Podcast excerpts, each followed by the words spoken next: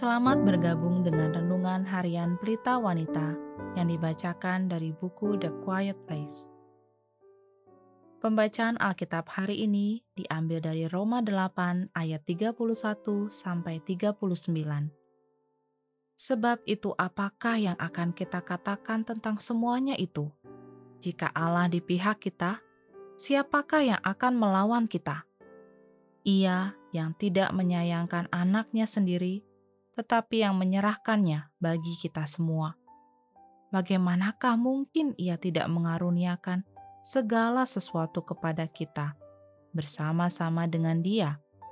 Siapakah yang akan menggugat orang-orang pilihan Allah? Allah yang membenarkan mereka? Siapakah yang akan menghukum mereka? Kristus Yesus yang telah mati? Bahkan lebih lagi, yang telah bangkit, yang juga duduk di sebelah kanan Allah, yang malah menjadi pembela bagi kita. Siapakah yang akan memisahkan kita dari kasih Kristus? Penindasan atau kesesakan, atau penganiayaan, atau kelaparan, atau ketelanjangan, atau bahaya, atau pedang. Seperti ada tertulis, oleh karena engkau kami ada dalam bahaya maut sepanjang hari. Kami telah dianggap sebagai domba-domba sembelihan. Tetapi dalam semuanya itu, kita lebih daripada orang-orang yang menang oleh Dia yang telah mengasihi kita. Sebab aku yakin bahwa baik maut maupun hidup, baik malaikat-malaikat maupun pemerintah-pemerintah, baik yang ada sekarang maupun yang akan datang, atau kuasa-kuasa, baik yang di atas maupun yang di bawah, ataupun sesuatu makhluk lain, tidak akan dapat memisahkan kita dari kasih Allah yang ada dalam Kristus Yesus, Tuhan kita. Ayat kunci hari ini adalah dari Roma 8 ayat 37. Tetapi dalam semuanya itu, kita lebih daripada orang-orang yang menang oleh Dia yang telah mengasihi kita. Kenapa saya? Seringkali, ketika kita berusaha menghadapi kesulitan dan kekecewaan, di balik semua itu adalah tangisan hati yang membuat kita tidak dapat mengalami yang terbaik dari Allah di dalam situasi-situasi kita.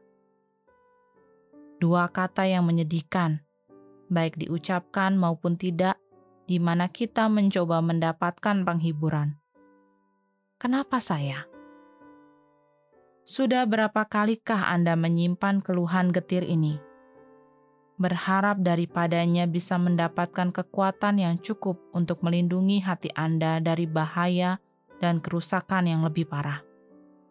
Mengapa hidup ini begitu susah? Mengapa ini harus terjadi? Mengapa Allah tidak menjawab doa-doa saya? Mengapa masalah ini nampaknya tidak pernah berakhir? Mengapa saya harus menerima ini begitu saja? Kenapa saya? kita merasa dihianati, ditinggalkan, dianiaya, dan tidak dihargai. Layaknya pusaran air yang terus-menerus berputar tanpa akhir, menyeret dan menguras dan menarik kita ke bawah dengan setiap sapuan rasa mengasihani diri. Kita tenggelam makin dalam ke dalam diri kita sendiri, ke dalam masalah-masalah kita jauh dari Allah, patah semangat, dan tidak tahu berterima kasih. Anda meminta saya untuk percaya kepadanya dan bersyukur, untuk tetap tabah. Tetapi Anda tidak pernah berada di posisi saya. Jika Anda mengetahui apa yang telah saya alami, Anda tidak akan dengan cepat mengatakan hal itu. Percayalah, jika yang dapat saya bagikan kepada Anda hanyalah kata-kata manis kosong tentang rasa syukur, saya bahkan tidak akan mencoba menanggapi keadaan dalam kehidupan nyata seperti yang sedang Anda hadapi. Jika iman kita hanya bisa menawarkan kata-kata yang hanya cocok dalam kebaktian gereja, atau buku teologi, sangatlah kejam bagi saya untuk menyampaikannya kepada seseorang yang membutuhkan jauh lebih banyak dari itu. Namun, ucapan syukur yang sungguh-sungguh, yang dimotivasi oleh anugerah yang berpusat pada Kristus, cocok untuk di mana pun bahkan untuk saat-saat kehidupan yang paling menyedihkan, dan dalam situasi-situasi yang sulit. Bahkan ketika tidak ada jawaban, ucapan syukur ini memberi harapan. Rasa syukurlah yang mengubah para pejuang yang kewalahan menjadi para pemenang yang berjaya, walaupun keadaan mereka tetap untuk saat ini tidak berubah. Sebagai penutup, mari kita renungkan pertanyaan ini. Situasi atau dilema terbaru apakah yang membuat Anda bertanya, "Kenapa saya?"